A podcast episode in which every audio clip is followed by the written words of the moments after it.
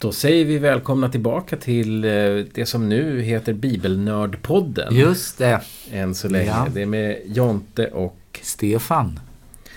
Eh, och vi har kommit till fjärde söndagen i advent. Det går undan. Ja, Ja, vi lackar mot jul. ja. säger vi. Men det är fortfarande oktober när vi spelar in det här. Mm. Eh, Även om det kom lite snö igår Det faktiskt. gjorde det. Eh, vi ska i vanlig ordning läsa söndagens texter och eh, resonera och grotta ner oss lite i dem och vad som står innan och efter och fram och tillbaka och vända lite upp och ner på dem. Ja, Eh, och eh, vi får väl se då om det här namnet Bibelnördpodden håller i sig. mm. Eller om eh, någon av... Eh, om det finns någon som lyssnar på det här ute som har en, ett finurligt namn. Så får ni gärna komma in med det. Eh, men fjärde söndagen i advent, ibland infaller det väl med... an- Kan det infalla med juldagen? Nej, ens? men julafton. Julafton kan vara fjärde advent. Mm. Precis. Ehm, Men aldrig juldagen. nej, därför att advent är ju en förberedelse tiden fram till jul. Mm. Så, eh, så att, eh, och, nej precis, så det kan bara vara till och med jul, julafton ingår ju rent liksom, ska säga, liturgiskt i adventstiden. Så. Mm. Ja, precis. Just det. Mm. Ja, men vi har eh, den här söndagen en eh, text från Jesaja. Kapitel 40, verserna 9 till och med 11. Och så är vi tillbaka i Romarbrevet igen då. Mm. Kapitel 10, då 4 till 8. Mm. Och vi ska få ta del av Lukas evangeliet, första kapitlet, verserna 46 till 55. Det är ett långt kapitel. Ja, det är ju det. Och så avslutar vi med Saltaren 145, 8 till 13. Är tanken. Mm. Ja. Och du som vill eh, läsa igenom texterna kan ju pausa och eh, göra det och så följa med oss sen. Mm. Eh, Jesaja, vi läste ju Jesaja förra veckan. Just och, Eh, nu är vi tillbaka kapitel 40 och då har vi väl lärt oss, var det den andra Jesaja som... Nu är vi inne i den andra Jesaja, om man ska tro de flesta bibelforskare. Mm. Eh, som, det börjar ju med 40, så det här är precis början på Deutero Jesaja. Som ju har en mycket ljusare, hoppfullare ton än Mm. de 39 föregående kapitlen i Jesajas bok. Och då får du rätta mig om jag har fel, men då är man i den babylonska fångenskapen nu. Man är i den babyloniska fångenskapen och eh, eh, men känner, kanske börjar förstå att eh, där kommer vi inte behöva stanna för evigt därför att eh, Babylonien har eh, intagits av perserväldet. Då. Mm. Så det är en ny administration och eh, man kanske redan här har fått lite eh, vad heter det, hintar om det som komma skall, nämligen att den nya härskaren, alltså perserna, eh, kommer låta de här eh, vad heter det, deporterade folken få återvända till sina gamla hemländer. Inte så att de kommer bli fria nationer, men de kommer ändå få flytta till sina gamla hem, städer och eh, länder och bygga upp sina eh, gamla helgedomar och så. Mm. Kanske fanns en tanke där om att det gick att driva in mer skatt av folk om de fick bo där de ville. Så kan det ju vara. Precis. Mm.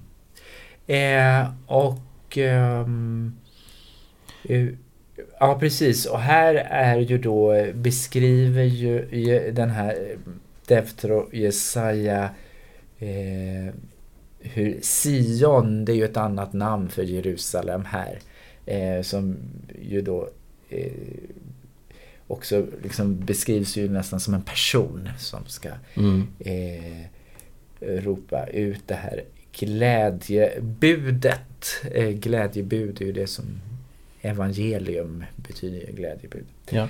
Eh, att nu kommer er Gud. Och det är ju inte då bara att Gud som kommer utan Gud ska ju då ha med sig tillbaka eh, folket som har varit deporterat. Mm. Alltså det var ju naturligtvis, även vi har sagt tidigare att, att eh, när babylonerna intog Jerusalem och förstörde det och templet i grunden att hela folket deporterades så var det ju inte. Man lämnade naturligtvis kvar de som man inte hade någon nytta av överhuvudtaget. Just så, det, det. så det var ju framförallt intelligentian och, och kanske de lite mer väl... Eh, heter det?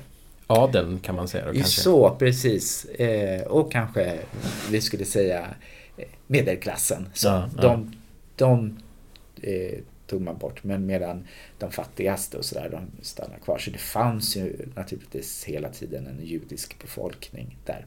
Och nu ska de få se hur, hur Gud eh, liksom kommer föra de andra tillbaka hem Mm. som om de vore lamm och tackor. Men eh, just det, men deras perspektiv, jag tänker på de som var kvar då, de som var fattiga och Mm. analfabeter förmodligen och Ja. sådär. Deras perspektiv är det ju svårt att få grepp om, ja, såklart. så. Hur, hur såg de på att deras gamla aristokrati var på väg tillbaka? Det, det, Ja. det vet vi väl inte? Det Det kan man bara ju inte. spekulera i. Ja, alltså det är ju så även om, även om Bibeln ofta har ett underperspektiv sådär så går det ju ändå inte komma ifrån att i slutändan är det alltid segrarna som skriver historien. Mm, Liksom. Mm. Eh, så. Mm. Och den som överhuvudtaget kan skriva. Den som överhuvudtaget kan skriva, Mm, precis. Och en liten eh, fattig eh, person i något eh, dåligt kvarter i Jerusalem kunde väl inte skriva. Nej, Nej. nej. Ja, men ett glatt budskap då. Eh, Han Ja. anar ljus i tunneln. Mm. Mm. Och så kommer vi tillbaka till romarbrevet. Eh, Ja. Där Paulus skriver då till församlingarna i Rom. Ja, Eh, och här pr- pratar han om lagen. Just det. Alltså, det finns lite olika anledningar till, eller förklaringar till varför eh, Paulus skrev Romarbrevet. En tanke är att egentligen är Paulus, eh, han har en tanke att han ska göra en missionsresa ända bort till Spanien. Mm. På vägen så måste han liksom stanna till i Rom. Det är bara det att eh, i Rom, framförallt hos de judiska kristna, eller judar, så, så hade liksom Paulus inte så väldigt gott renommé. Mm. Eh, därför att Paulus står ju för den här uppfattningen då att eh, eh, vad heter det? Jud, eh, de icke-judiska Jesustroende inte behövde omskäras för att ingå i förbundet. Eh, och, och som det kan bli i en diskussion så kanske man ibland tar till ord som man ångrar efteråt och det finns ett och annat ord som Paulus borde säkert ångrar. eh, och eh, nu försöker han då liksom på något sätt gjuta lite olja över såren och även gå emot de liksom rykten som säkert hade spridits om Paulus att han är eh, helt mot eh, den judiska lagen och sådär också. Eh, Men, och sen börjar han något resonemang här när han ska förklara varför inte alla judar har börjat tro att Jesus är Messias. Eh, Jag vet inte om det var så smart drag av honom, för att han vecklar verkligen in sig i Mm. detta. Eh, Och det slutar med att han säger att ja, men alla, alla kommer så småningom att, att judar kommer tro att Jesus är Messias.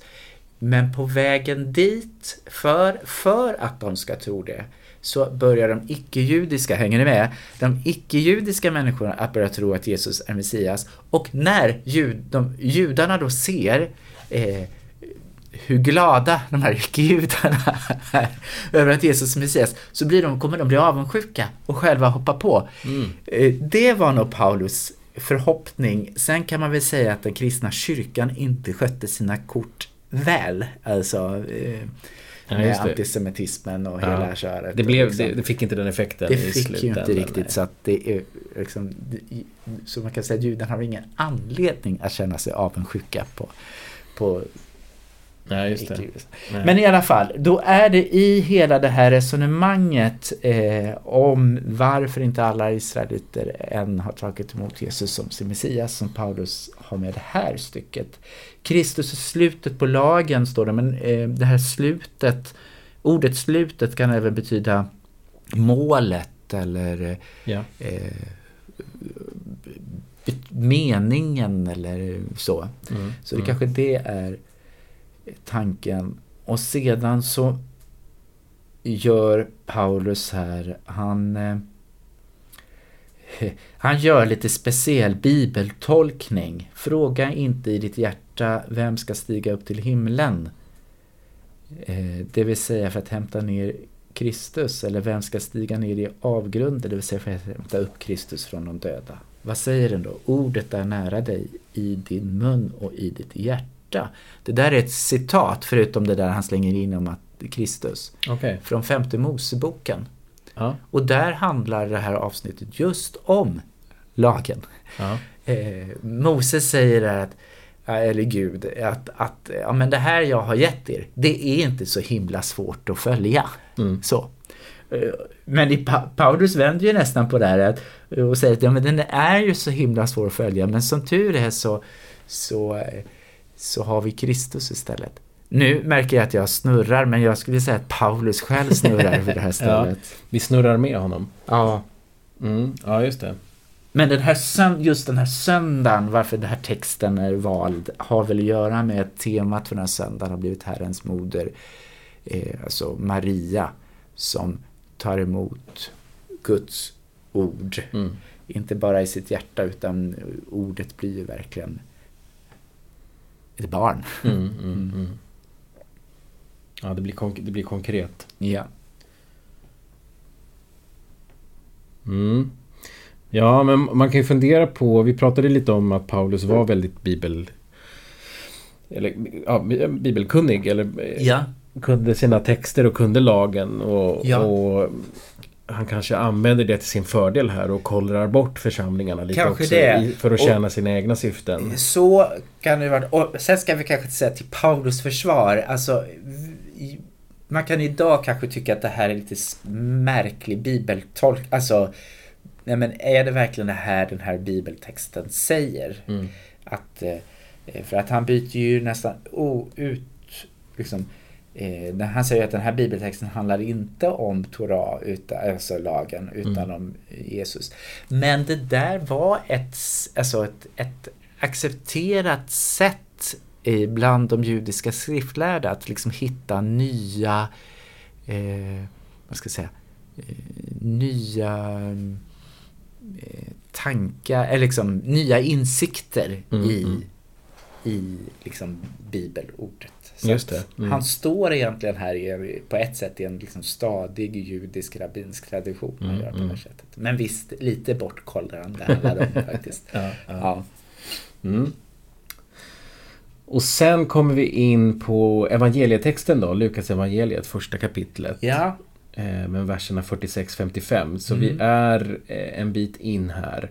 Och eh, vi kommer rakt in i ett kapitel som handlar om att eh, Maria är på besök hos Elisabet. ja, Och Elisabet och Sakarja, Mm. vilka var det då? just det.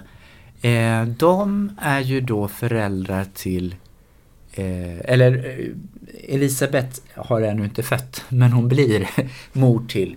Eh, hon är havande, precis som Maria. Så det är Mm. två gravida kvinnor som möts i den här Mm. texten. Mm. Och eh, hon eh, är havande med Johannes, döparen. Mm. Som vi pratade om förra veckan, om Mm. ni kommer ihåg. Och då sa vi att den kristna kyrkan, den tidiga kristna kyrkan hade lite problem med vad de skulle göra av Johannes döparen. Eftersom han ju liksom var på den här tiden liksom, eh, kanske nästan en lika stor andlig gestalt som Je- Jesus. Alltså, Mm. eh, men i Lukas, i, i Lukas evangeliet så är de ju till och med släktingar. Så då. Mm. Eh, Ja, han är lite, jag sa inte det förra veckan, men han är lite vad Obi-Wan Kenobi är Mm. för Anakin Skywalker Precis. och Luke Skywalker. Ja. Han är, Precis. ja, det är bra. Ehm, för att vara lite nördig Sen blir-. Eh, just det. Sen kanske inte Jesus blir en Darth Vader. En del kanske tycker det, men... eh, Nej, man ska, inte, man ska nog inte dra den liknelsen för långt. Det, vi kanske har gjort, den kristna kyrkan kanske har gjort Jesus till en Darth Vader. ja, så kan man ju se det. Mm. Så kan man se Ibland, det. ja. Så kan man se det. Precis. Och då eh, när, eh, när då eh, Elisabet ser Maria komma till, och, och det här utspelar sig i Judabergs bygd. Eh, när hon ser eh, Maria komma, då spritter liksom barnet som Elisabet har i sin mage spritter till så. Eh, så och liksom, till och med i, i moderlivet så, så blir Jes, eh, Johannes glad över Jesus. Så det säger också liksom att sätta lite Johannes döparen på plats kanske i förhållande till Jesus. Och Maria brister ut i den här eh, lovprisningen Mm. som har liksom en, liksom en gammaltestamentlig eh, bakgrund. Den påminner väldigt mycket om en, en eh, sång i eh, eh, Gamla testamentet, eh, eh, nämligen profeten Salomos mor eh, sjunger delvis samma sak om det här. Liksom. Beskriver en ny tid som vänder upp och ner på, på alla hierarkier och så. Ja, just det, just det. Man kan ju tänka sig att det för evangelisten var tacksamt att ta en sån text. Ja. Om man nu ville...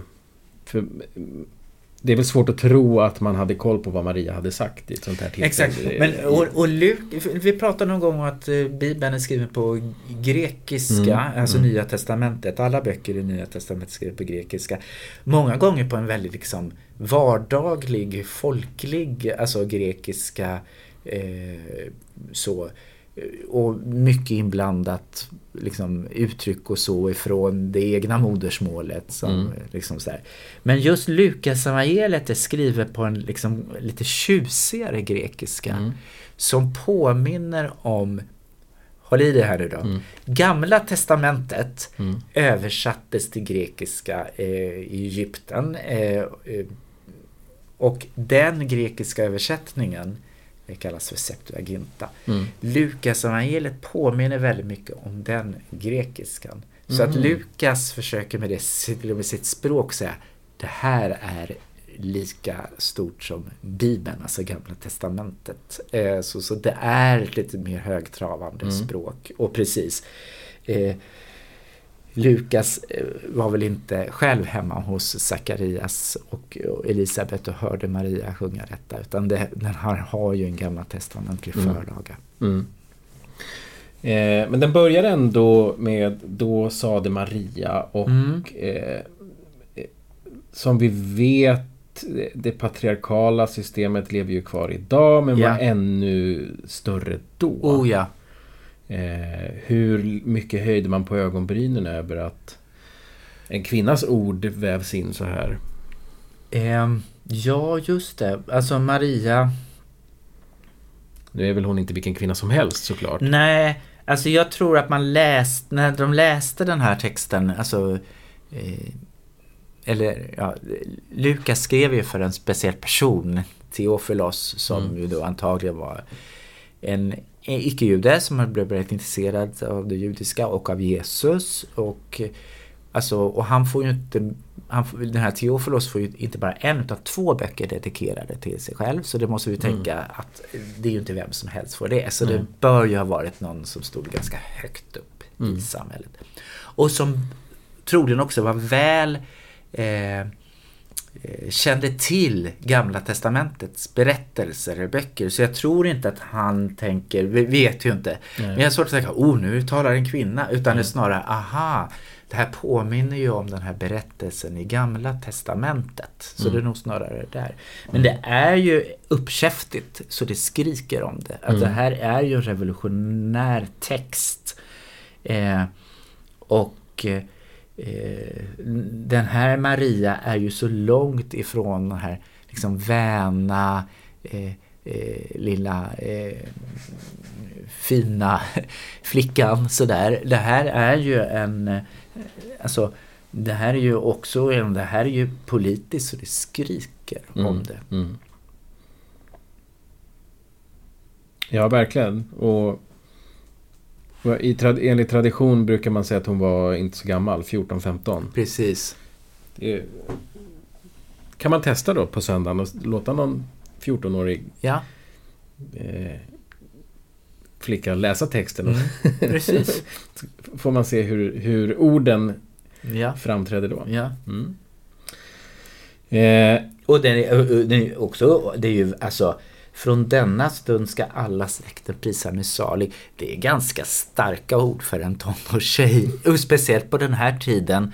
Som dessutom då eh, har blivit gravid utanför äktenskapet. Alltså allting talar ju för att den här eh, skulle, alltså hon skulle ju egentligen stenas. Mm. Enligt den här tidens sätt att se. Det brukar jag tänka är ett ganska smidigt sätt annars att komma runt det. Om man nu var, om man tänker sig Josef och Maria, de har inte hunnit gifta sig än och så whoops, oj det gick lite fort. Mm. Äh, men hörni, det är, vad heter det, det är Guds son. Mm. Det är... Ja. det, det, Vad ska man säga om det? Ja, liksom? det, är en, det är en intressant vit lögn som Ja. Mm. fick oanade konsekvenser om det var så. precis. Ja. Eh, vi har också en liten saltarsalm här då, Ja. 145. Just det. Och det, den är väl vald liksom för att den påminner lite om Marias lovsång kanske. Alltså, ja, jag tänkte precis säga det. det är Ja. en, man skulle kunna lägga på ett lovsångskomp och riva av den här och så hade vi... Exakt, precis. Det, den sjungs säkert i Hillsong. Det gör den. Med all säkerhet. Mm. Men eh, om man ska säga något kort. eller Det slutar ditt rike. Står det hela tiden. Ditt välde från släkte till släkte. Eh, Guds rike. Eller himmelriket är ju liksom en sån här begrepp som återkommer i evangelierna och inte minst nu i adventstiden väldigt mycket. Mm. Och det, det är ett ganska vitt begrepp. Alltså, det är klart att när den här salmen skrevs då tänkte nog psalmförfattaren att det riket var Israel. Men rike har både i hebreiskan och liksom får det även i liksom den nytestamentliga grekiskan eh, handlar mer om eh, Guds, Guds rike, eller himmelriket, handlar mer om eh, det är en ganska aktivt, alltså det är där varhelst Gud får regera. Mm. Så, Just det. ja. Just det. Mm. Mm. Nu är det snart jul då. Ja, nu är det snart jul. Ja, Eh, ja, men vi säger väl tack för att ni har lyssat. Och. Tack till dig Stefan. tack själv Jotte.